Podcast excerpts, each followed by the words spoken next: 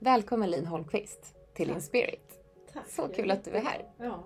Lin var, eller är tantraterapeut och hon var min tantraterapeut på Skeppsudden som jag har delat i, i ett poddavsnitt hur det var för mig. Fantastisk upplevelse som öppnade upp många saker. Mm. Och nu ska jag få prata lite med dig och höra din resa och hur du ser på tantra. Mm. Så hur, eh, kan inte du berätta, för jag vet inte ens där, hur du kom in i tantravärlden från början. Mm. Jag hade ju jobbat som yogaterapeut i många år och som yogalärare. Och tyckte att det här var helt fantastiskt. Och det gav så fina resultat på människor som hade varit sjuka länge.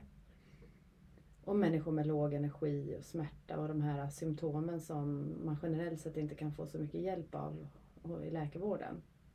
Och man pratade väldigt, väldigt lite om kön och sexualitet. Och när jag då träffade min första tantriska vän Mm. så vände han upp och ner på hela min värld. För han började berätta om tantrans filosofi, vilken är väldigt, väldigt lika yogafilosofin. Med ett undantag och det är att den sexuella energin är lika välkommen som all annan energi. Mm. Det är inte meningen att vi ska ta den här sexuella energin och transcendera den till någonting annat, vilket det är i yogan. Att det är liksom, ska den sexuella energin göras om till, till någonting annat? Mm. Medan i tantran så får den sexuella energin vara sexuell, om man vill. Mm. Så härligt. Så härligt. Mm. Och då fastnade jag för det här och jag tyckte att det var jättespännande. Och så bjöd han mig på en tantrisk session. Och den här tantriska sessionen, det förändrade mitt liv helt och hållet. Vill du dela vad det var? Mm. Eh, jag hade ju jättemycket förväntningar på den här sessionen och tänkte wow, vad ska vi göra nu? Och tantra är ju equal sex och nu ska vi säkert göra någonting riktigt erotiskt tillsammans. Men det var inte alls så. Utan det var helt ordlöst möte där han bara betraktade mig. Han bad mig att ta av mig alla kläderna och stå naken framför honom. Och vi stod, jag stod naken framför honom ganska länge och han bara betraktade mig. Och det var sättet han betraktade mig på med den oerhörda närvaron och den gudomliga blick som jag Mm. fick av honom som väckte någonting gudomligt inne i mig. Gud, ja, Guds närvaro, eller hans kraft, kunde se min egen kraft inne i mig. Mm. Hur kände du dig när du stod framför honom? Om det var så lång tid? I början kände jag mig jättenervös och jätteorolig och mycket förväntningar och, och tänkte att oj, men vad förväntas av mig nu? Ska vi ha sex och nu står jag här naken och tycker han att jag är ful? Och han gör ingenting. Varför gör han ingenting? Det är säkert för att mina bröst är för hängiga och han hade säkert tänkt att vi skulle ha tantrisk sex men nu vill han inte det och Mm. varför tittar han bara på mig och undrar vad han tänker och vad är det här? Är det här tantra eller? Mm. Men sakta men säkert så börjar jag också bli medveten om detta, denna kakafoni av tankar. Som jag också insåg finns där hela tiden i bakgrunden. Och varenda situation liksom kör jag runt den här samma skivan av självdömande och försök att hantera situation efter situation efter situation och hur mycket energi det tar. Ja. Hur mycket närvaro det tar. Mm. Och i och med att jag kunde lägga märke till detta så tydligt i mötet med honom så kunde jag också välja vart jag riktade min uppmärksamhet. Att rikta min uppmärksamhet från mina tankar och rikta min uppmärksamhet till mig själv och Mm. till den här stunden. Så den här stunden som jag upplevde där och då till slut blev så himla krispig och tydlig och klar och verklig och, och levande och tid och rum existerade inte. Jag var bara där, 100% närvarande. Mm. Tog du in honom i full närvaro eller tog du in dig själv? Både och. Ja. Det var som att gränsen mellan honom och mig upphörde existera efter en stund. Mm. Och gjorde ni någonting fysiskt? Eller blev Nej, det bara, bara sen det? eh, tackade han bara för sig och eh, gick därifrån. Wow. Lämnade mig själv. Och jag kunde inte sova den natten. Jag låg och vred och vände på mig och liksom klockan fyra så bestämde jag mig för att jag, jag går upp och, och sätter mig och mediterar. Mm. Så jag gick ut på en balkong och jag hamnade direkt i spontan meditation, djup meditation. Mm. Där jag delvis undersökte mina egna projektioner på kärlek. Att oj, det här var en så stark kärleksupplevelse. Vad betyder det? Mm. Betyder det att han och jag ska bli ett par? Betyder det att han och jag har en framtid och ska jag flytta dit där han bor? Och, liksom, och också insåg att nej, men, det här är kärlek och kärlek behöver inte komma med en faktura eller med några krav. Kärlek kan bara vara fri och i stunden. Och efter en liten stund av de här äh, tankarna så sjönk jag ännu djupare in i en meditation där jag kom i kontakt med kärleken självt. Mm. Och när jag gjorde det så kunde jag se kärlek överallt. Fåglarna vaknade tidigt på morgonen och började kvittra och jag hörde vad fåglarna sa till varandra. De sa Kom, älska med mig. Sitt på min gren och sjung med mig en liten stund. Jag vill dela livet med dig en stund. Gud vad fint. Ja. Det låter helt fantastiskt. Hur gammal, eller när var det här? Hur länge sedan är det? Det här var ungefär 13 år sedan. Mm. Mm. Och sen så startade allting, eller? Sen startade allting. Min kundalini vaknade under Mm. den här perioden. Och vaknade väldigt snabbt och väldigt kraftfullt. Kundalini har ju väckt upp, det har ju kommit lite nu. Mhm. I, lite i ropet. Mm, mm, Det är många som inte vet vad det är. mm, Vill du dela? mm.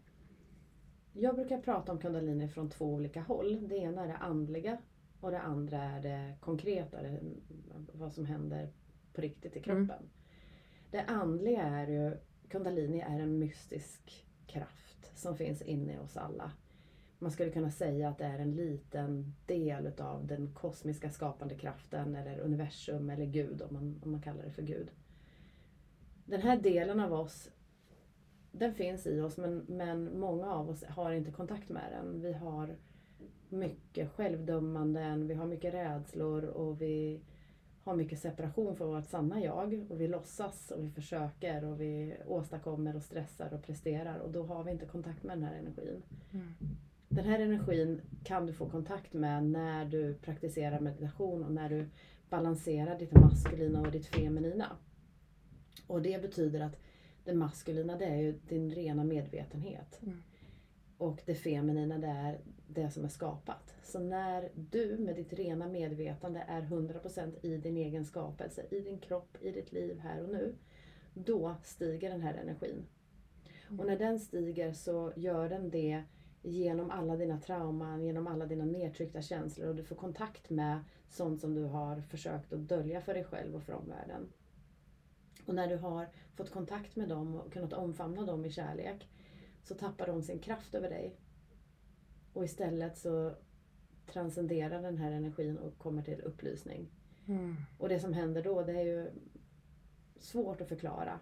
Men det är ett tillstånd av otrolig frihet och otrolig kraft. Det är många som börjar skaka väldigt mycket. Precis. Så det som händer rent fysiologiskt då i kroppen det är att när vi börjar släppa på de här rädslorna och spänningarna som vi har i våra kroppar då släpper de fysiologiskt ifrån fascian. Mm. Och fascian, hur den släpper på eh, känslor eller spänningar, den gör det genom vibrationer, genom skakningar eller vridningar. Mm. Så fascian börjar skaka och vibrera och röra på sig och det är egentligen de här emotionella spänningargarna som sitter i kroppen som löser upp sig. Men skakar du fortfarande? För jag tänker att till slut måste ju det liksom ha ebbat ut. Mm. Sådana spänningar. Mm. Jag tror att vi alla människor vi har spänningar. Alltså Ja. det, är, det är så att vara människa. Ja. Vi är inte upplysta. Vi har en kropp som är i kon- konstant anspänning på olika sätt. Mm. Men, men de här spänningarna behöver inte orsaka lidande eller smärta eller blockeringar utan de kan snarare ge dig kraft eller njutning. Mm. Så för mig när kundalini rör sig genom min kropp, det är som orgasmer. Mm. Nu rör sig min kropp som en dans eller som, Mm. ja, det är oerhört njutbart. Jag har ju fått det, men för mig så blir det mest... Jag har inte fått den där orgasmiska kundalinin. Mm. Men kroppen rör sig och skakar och länge och an, liksom andning. Mm. Men det kanske är att jag också tar in mindet. Mhm. Eller någonting. Mm. Jag tänker också på vad, vad är en orgasm för dig? Mm. Många- Intressant. Många Mm. människor har ju en bild av en orgasm som de refererar till en peak eller en ejakulering. Exakt. Och en orgasm är ju så pass mycket mer än det. Ja. Och det kan du ha i hela kroppen. Du kan ha det i ryggraden, i händerna, i munnen, i Mm. hårsäckarna, överallt. Mm. Så kanske har du upplevt orgasmer på många olika sätt men du har inte definierat det som orgasm. Exakt. Vad skulle du säga är den vanligaste fördomen med tantra? Mm. Det är ju att det är gruppsex. Mm. Eller oljeglidning. Ja. ja. Hur vill du? Hur ställer du dig till det? Finns det också? I din då- värld, i din tantra? Mm, det är klart att det finns inslag av det i det jag undervisar. Men det är inte det som är huvudsyftet. Och jag kan väl se lite grann att tantrabranschen blir utvattnad eftersom det har blivit så populärt och det finns många outbildade lärare Mm. som kanske tycker att det är jättehärligt att kramas och, och göra oljeglidning och det gör vi väl allihopa. Mm. Men det kanske inte är tantra bara för att det är oljeglidning utan tantra är ju den här grundläggande filosofin och att arbeta med den tantriska energin. Och när man gör det, ja, då blir det ju jätteskönt att röra vid andra människor eller att äta eller att lyssna på musik eller att man blir öppen. När man Mm. är öppen då tar man in livet och man känner livet. Mm. Och tantrans filosofi det är att istället för att skära av och, och liksom avgränsa våra intryck så ska vi öppna upp våra, våra sinnen och liksom genom våra intryck, genom våran hörsel, genom våran syn, genom våran hud ta in världen och, och genom det uppleva en enhet. Mm. Så var kommer tantran ifrån från början? Mm. Tantran, som ordet tantra kommer ju från Indusdalen, från Indien. Mm. och eh, utvecklades väl ungefär 10 000 år sedan och framåt. Men det finns ju liknande rörelser i hela världen men det kallas de för någonting annat. Mm. Okej. Mm. Okej, så tantra. Tantrans syfte för dig, vad är liksom det starkaste i tantra? För mig personligen, Mm. för mig personligen är det att leva ett liv i fred. Mm. I fred och frihet. Mm. Tantran som ursprung, intentionen med tantran som filosofi, det är att nå upplysning. Jag har ingen ambition om att leva upplyst. Men däremot om jag kan få små glimtar av upplysning, då vet jag att jag kommer bli en mycket bättre människa. Och mina avtryck på jorden kommer bli mindre. Mm. Jag kommer bli mera nöjd, jag kommer bli mera tillfreds, jag kommer konsumera mindre.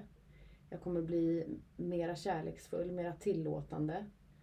Eh, mera inkännande och mera levande. Och det kommer göra mig till en bättre medmänniska för de som finns mig nära. Mm. Och jag tror att om alla människor får de här upplevelserna som tantra kan ge, då har vi en värld i fred. Så vad exakt ger det för upplevelser om man liksom inte kan någonting om tantra Mm. överhuvudtaget? Det ger en upplevelse av djup villkorslös kärlek. Och, och villkorslös kärlek bortanför det mentala konceptet. För visst, vi kan ju tänka oss att ja, men, eh, kärlek utan krav och, och kärlek för kärlekens skull. Och vi kan skapa mentala koncept. Men att faktiskt på riktigt känna villkorslös kärlek till främmande personer på tunnelbanan. Mm. Villkorslös kärlek till Moder Jord som är så pass stark att jag inte vill köpa plastprodukter. Ja. Det, det handlar inte om en uppoffring utan det handlar om ett genuin, en genuin glädje och en genuin kärlek som jag känner. Mm. Som påverkar allt det jag gör. Praktiserar du tantra liksom hela tiden i ditt liv? Du har Mm. det hela tiden? Mm. Alltså hela tiden. Det, det är ett dagligt inslag av mitt liv. Det jag undrar är så här, ibland när man är yogi eller meditatör, Mm. att det, det går ju vissa perioder när man inte mediterar. Mm. Och man känner ju, eller jag känner direkt Mm. hur saker börjar, liksom egot kommer in eller Mm. begären kommer in. Så men du har, du har tantra i ditt liv, att du ändå Mm. känner, det är inte Mm. någon dag du bara, nu behöver jag göra mer tantra. Mhm, nej. Nej. nej. Därför att det är så lustfyllt. Mm. Det är inte som yoga som kräver att jag liksom sätter på eh, yogaskivan och så Ja. rullar ut yogamattan och tar den här timmen. Utan tantra det är så jag längtar efter nästa stund med mig själv eller med min partner. Mm. Eller längtar efter nästa möjlighet att öppna mig själv. Och, och det är precis som med mindfulness till exempel. Människor som praktiserar mindfulness börjar få spontana upplevelser utav mindfulness i Mm. vardagen. Och så blir det när du praktiserar tantra också. Det är nästan det allra bästa. När man kan sitta på tunnelbanan och helt plötsligt så känner man den här villkorslösa, outgrundliga kärleken till alla som är där inne. Och, Mm. och hjärtat bara öppnas. Och det, är, det är helt magiskt. Mm. Jättefint ju. Mm. Så det är säkert jättemånga som är nyfikna men, eller jag upplever att många säger det. att de är nyfikna själva men partnern kanske inte är med eller att de är singlar. Mm. Och hur kan man, du får säkert den här frågan hela tiden, men hur kan Mm. man liksom, Hur kan man kom, börja? Om man är själv till exempel. Mm. Jag tycker det är jättebra att gå på en tantrakurs Mm. eller en tantra-workshop med en bra lärare som Mm. kan guida dig in i tantran. Eh, eller ta tantriska sessioner med en tantrisk terapeut. Eh, är man, är man singel så påverkar det här ens, alla ens framtida relationer och, och mötet med sig själv och mötet med livet. Lever man i en parrelation där den ena partnern inte är intresserad av tantra så kan det faktiskt vara så att när den ena partnern börjar utforska det här så rinner det över till partnern för att det förändrar oss på djupet. Mm. Och när jag då praktiserar tantra och blir en, en snällare, mera kärleksfull och ödmjuk människa så kommer min partner att märka det och det kommer påverka vår relation. Och påverka partnern positivt också. Mm. Mm. Hur kan ett, en sån här session gå till om man kommer till dig? Mm. Om man är en vanlig person med, som haft vanligt sex och body image som kanske är lite skev och Mm. allt vad det kan vara. Det beror helt och hållet på vad det är för tema på sessionen. Det kommer ju så många olika klienter till mig. En del kommer för att de har problem med, som du säger, självbild eller sin sexualitet. Eller att de har varit med om övergrepp. Och andra kommer för att de njuter så oerhört av livet och vill njuta än mer. Mm. Och sen finns det en spann däremellan med massa olika frågeställningar. Men det börjar alltid med ett samtal, ett coachande samtal där vi tar reda på, men på djupet, vem är du? Och på djupet, vad har du för intention med det här? Mm. Och sen går man igenom olika övningar och meditationer. Man kanske får ta emot beröring, man kanske får ge beröring. Och sen samtalar man om de insikter och de känslor som uppkommer i de här övningarna. Vad häftigt. Det Mm. måste vara jättecoolt att se liksom, förändringen. Alltså det, det här är världens roligaste jobb. Alltså jag Det är förstår. Det var så underbart. Ja. Ja.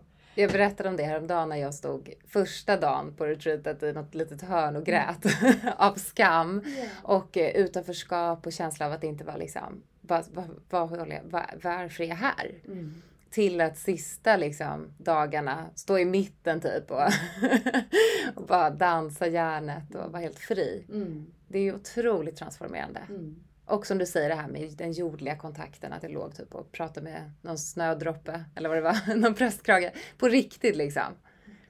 Att man kommer in i det där. Mm. Det är så häftigt. Mm. Det är verkligen healing. Mm. Jag undrar lite, eller funderar över det så här, varför det är så mycket fördomar just med tantra. För att man tänker så här, vanligt sex är ju så fel. Alltså det, är- det är sällan, eller fel ska jag inte säga, men det är sällan närvaro och det är mycket prestation och man tänker mest kanske på sig själv och sin prestation till att den andra ska ha det skönt och inte så mycket på vad man själv tycker är skönt. Så det är så spännande, eller liksom man skulle verkligen vilja att tantran fick mer, alltså man lyste mer på vad tantra faktiskt är. Mm. För det är ju tantra som är the shit. Mm. It's the shit. Det är närvaron. Mm. Det är närvaron. Mm. Och då blir ju allting bättre. När du är närvarande då blir, då blir det bättre liv när du diskar. Det blir bättre att vakna på morgonen. Det blir bättre relation med kollegorna och kunderna på jobbet. Och det blir bättre sex. Ja. Så att alla de här förbättringarna i livet det är egentligen bara bieffekter utav den tantriska praktiserandet och tantriska filosofin. Mm.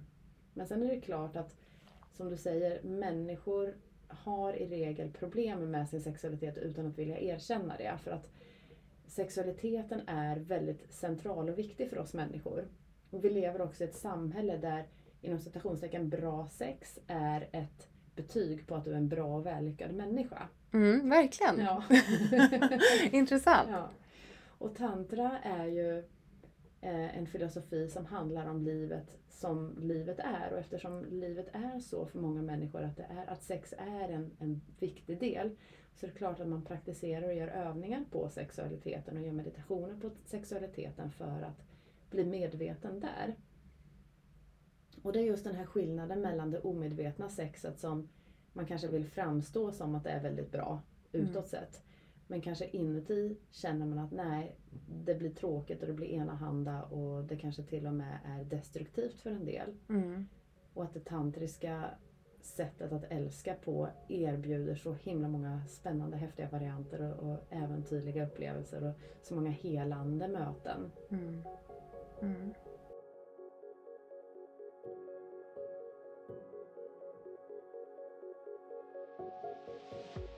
Glamorös läggning. Mm. Um, hur ser du på det? Du har väl varit det, eller hur? Mm, alltså jag är polyamorös. Du är det fortfarande? Jag är det. Okay. Eh, jag lever i en monogam relation Ja. där jag inte interagerar sexuellt med andra. Men mitt hjärta har utrymme för så himla mycket kärlek. Jag älskar många. Mm. Ehm, men jag har valt att inte leva ut det sexuellt med andra eftersom det skapade spänningar i min relation som en distansrelation. Mm. Mm. Och ehm, jag tycker man får göra som man vill. Jag har experimenterat med öppna relationer och haft det fram och tillbaka. Och, ja, just nu så passar det bättre att ha en monogam relation för mig. Mm. Hur, hur liksom gör man skillnad på det fysiska och, det, och den här kärleken? Alltså jag kan tänka mig att man ändå kan bli så kär. Mm. Och som du säger, som du kände första mötet, att det här tantriska mötet eller upplevelsen. Mm. Att så här, kommer vi bli tillsammans nu? Alltså det måste ju hända ibland. Mm. Om man lever i öppna relationer. Mm. Att man blir kär hit och dit, Mm. eller? Ja, absolut. Och jag tycker att kärlek är någonting vackert och kärlek kan inte skada. Nej. Om vi båda, eller om alla som är involverade, är öppna med vad den här kärleken ska leda till. För att det är förväntningar på kärleken som sårar. Mm. Ja. Eh, och är det så att vi lever i en polyamorös relation och eh, vi har sex med andra och så blir jag förälskad i någon. Eh, och den människan förväntar sig att jag ska lämna min primära partner och, och skaffa en relation med den. Ja, då blir det ju smärtsamt för säkerligen alla involverade. Så jag förespråkar öppna relationer. Att öppna relationer behöver inte betyda ens att man ligger med andra utan att man är väldigt ärlig med Mm. sina partners eller sin partner vad man känner. Just nu känner jag att vi har umgåtts alldeles för mycket. Jag skulle behöva träffa någon mer för att få mera input i mitt liv. Eller vet att jag har blivit kär i min tjejkompis och jag tänker på henne jätteofta. Mm. Eh, liksom att, att våga berätta om sina känslor, att våga vara autentisk och ärlig. Att allt är tillåtet. Ja. Man undrar hur det skulle vara om alla levde så. Mm. Det hade nog varit fantastiskt. Fantastisk värld. Och sen är det ju det, alltså en relation är ju som en, en jag brukar beskriva det som ett staket Mm. runt våra överenskommelser. Så vi har kommit överens om att vi ska dela sexualitet, ekonomi och barn tillsammans. Men sen måste jag ju få ha relationer utanför det som ger mig annat. Kanske någon som ger mig sportintresset eller någon som jag kan måla tillsammans med för Mm. min primära partner tycker inte om det. Och vissa människor de lever i en relation där de bara delar hus och familj och så delar de sexualitet med någon annan och sportintresse med någon annan. Och att, att relationer, det är viktigt att prata om vad vi har för förväntningar för ibland kan det vara fint att bara dela sexualitet med en och samma person. Gör man det så går man ju oerhört mycket djupare i sexualiteten. Mm. Och det går man miste om om man delar sexualitet med tio. Mm. Intressant, Mm. verkligen. Mm. Det är bara det när man är, ja, när man är skorpion också, med lite svartsjuka. Mm. Men hur, vad, vad ser du på svartsjuka, by the way? Mm. Jag är ju själv svartsjuk. Ja, vad skönt att höra. Tack. Liv att du delar. Jag bara, Ja. Det är ju en hemsk slime grej att berätta Ja, ändå. det är väldigt slimigt. Mm.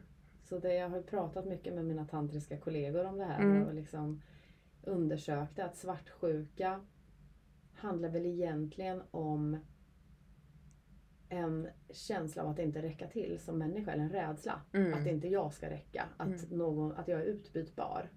Och en rädsla att bli övergiven egentligen.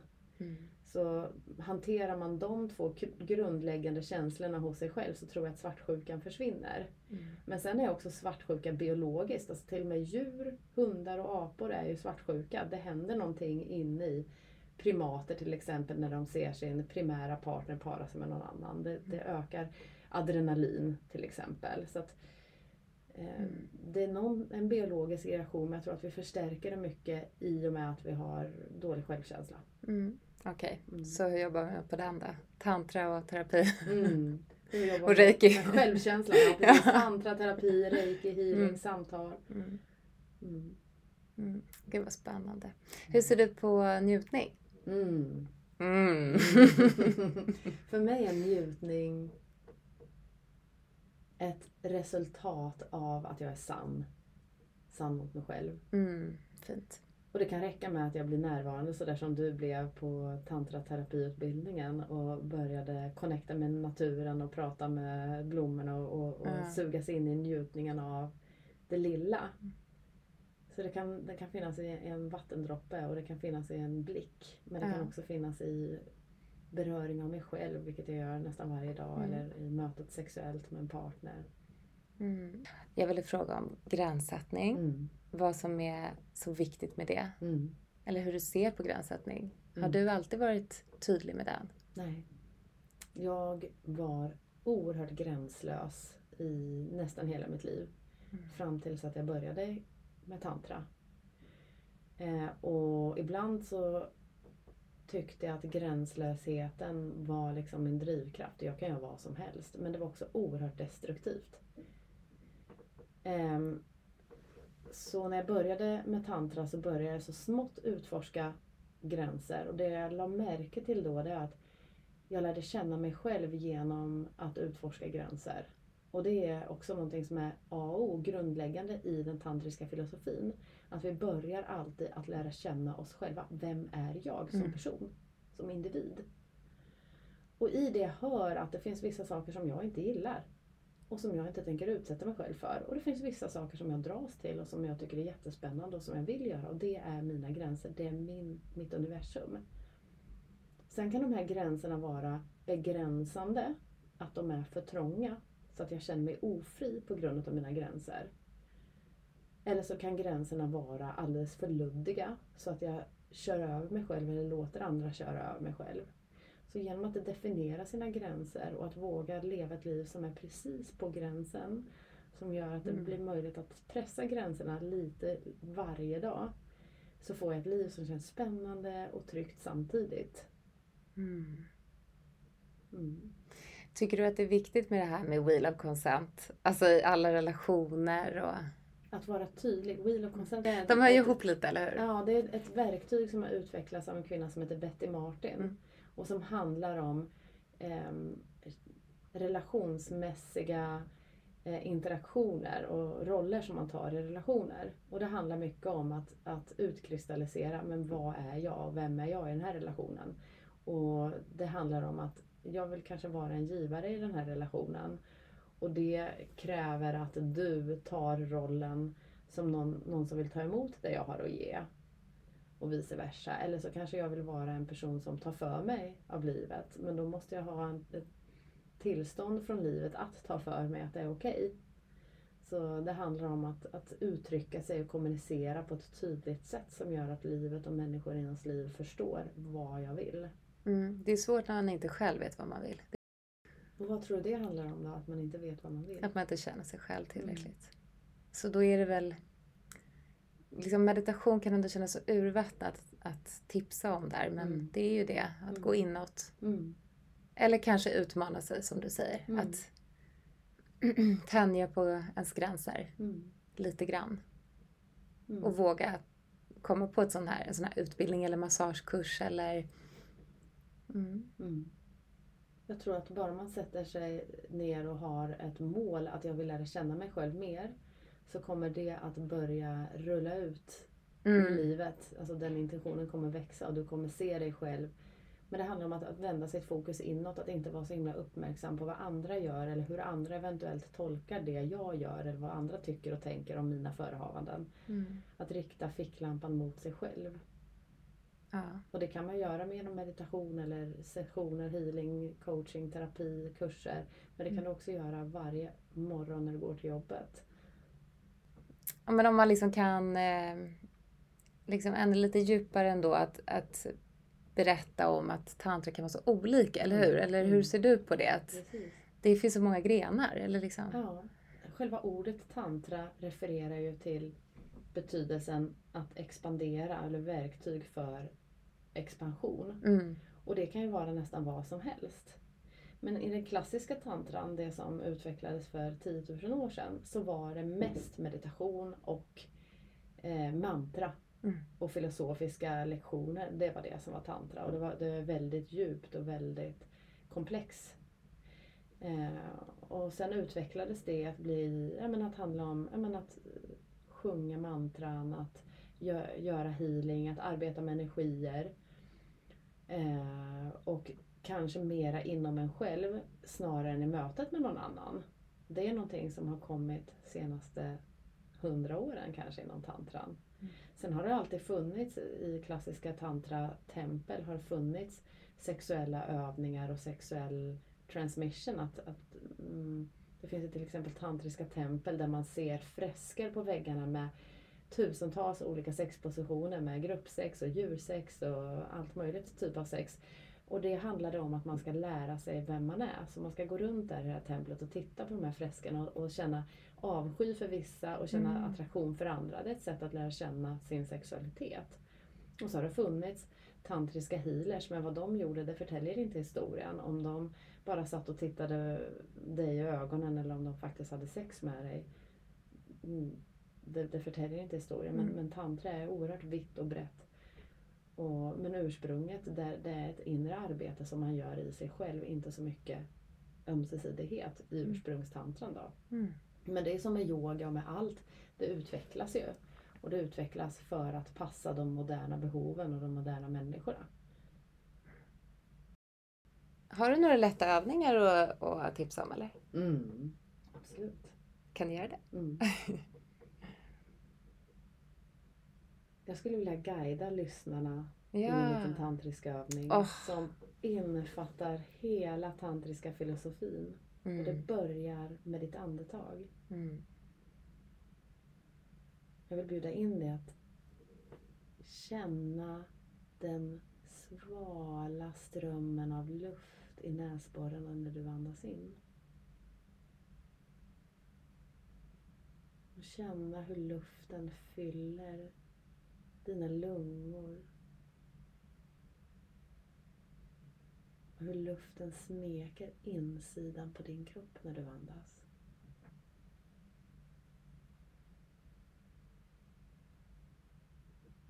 Och så vill jag bjuda in dig att känna utandningen. Hur utandningen är varm, mjuk, fuktig. Och varje utandning ger dig en möjlighet att slappna av. Att låta kroppen slappna av. Och ju mer du slappnar av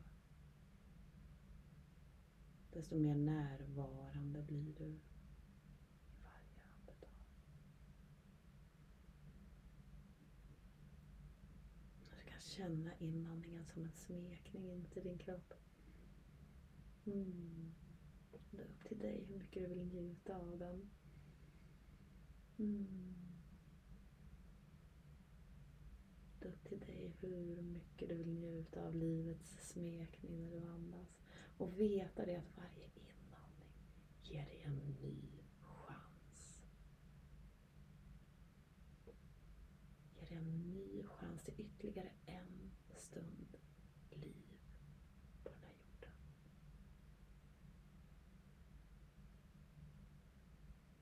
Och sen utandningen. Som får hela kroppen att slappna av.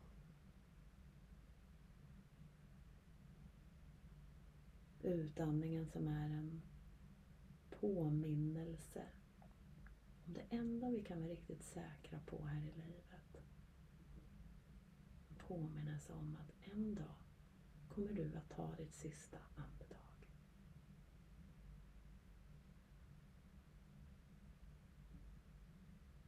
Så låt utandningen bli en påminnelse om det. Och lägg märke till den lilla pausen mellan utandning och inandning.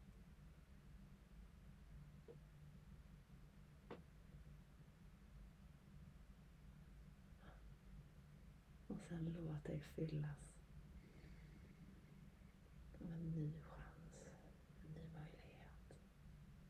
en smekning inuti din egen kropp, en smekning av livet självt och det är upp till dig.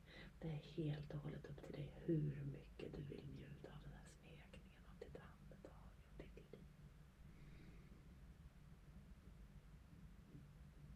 Mm.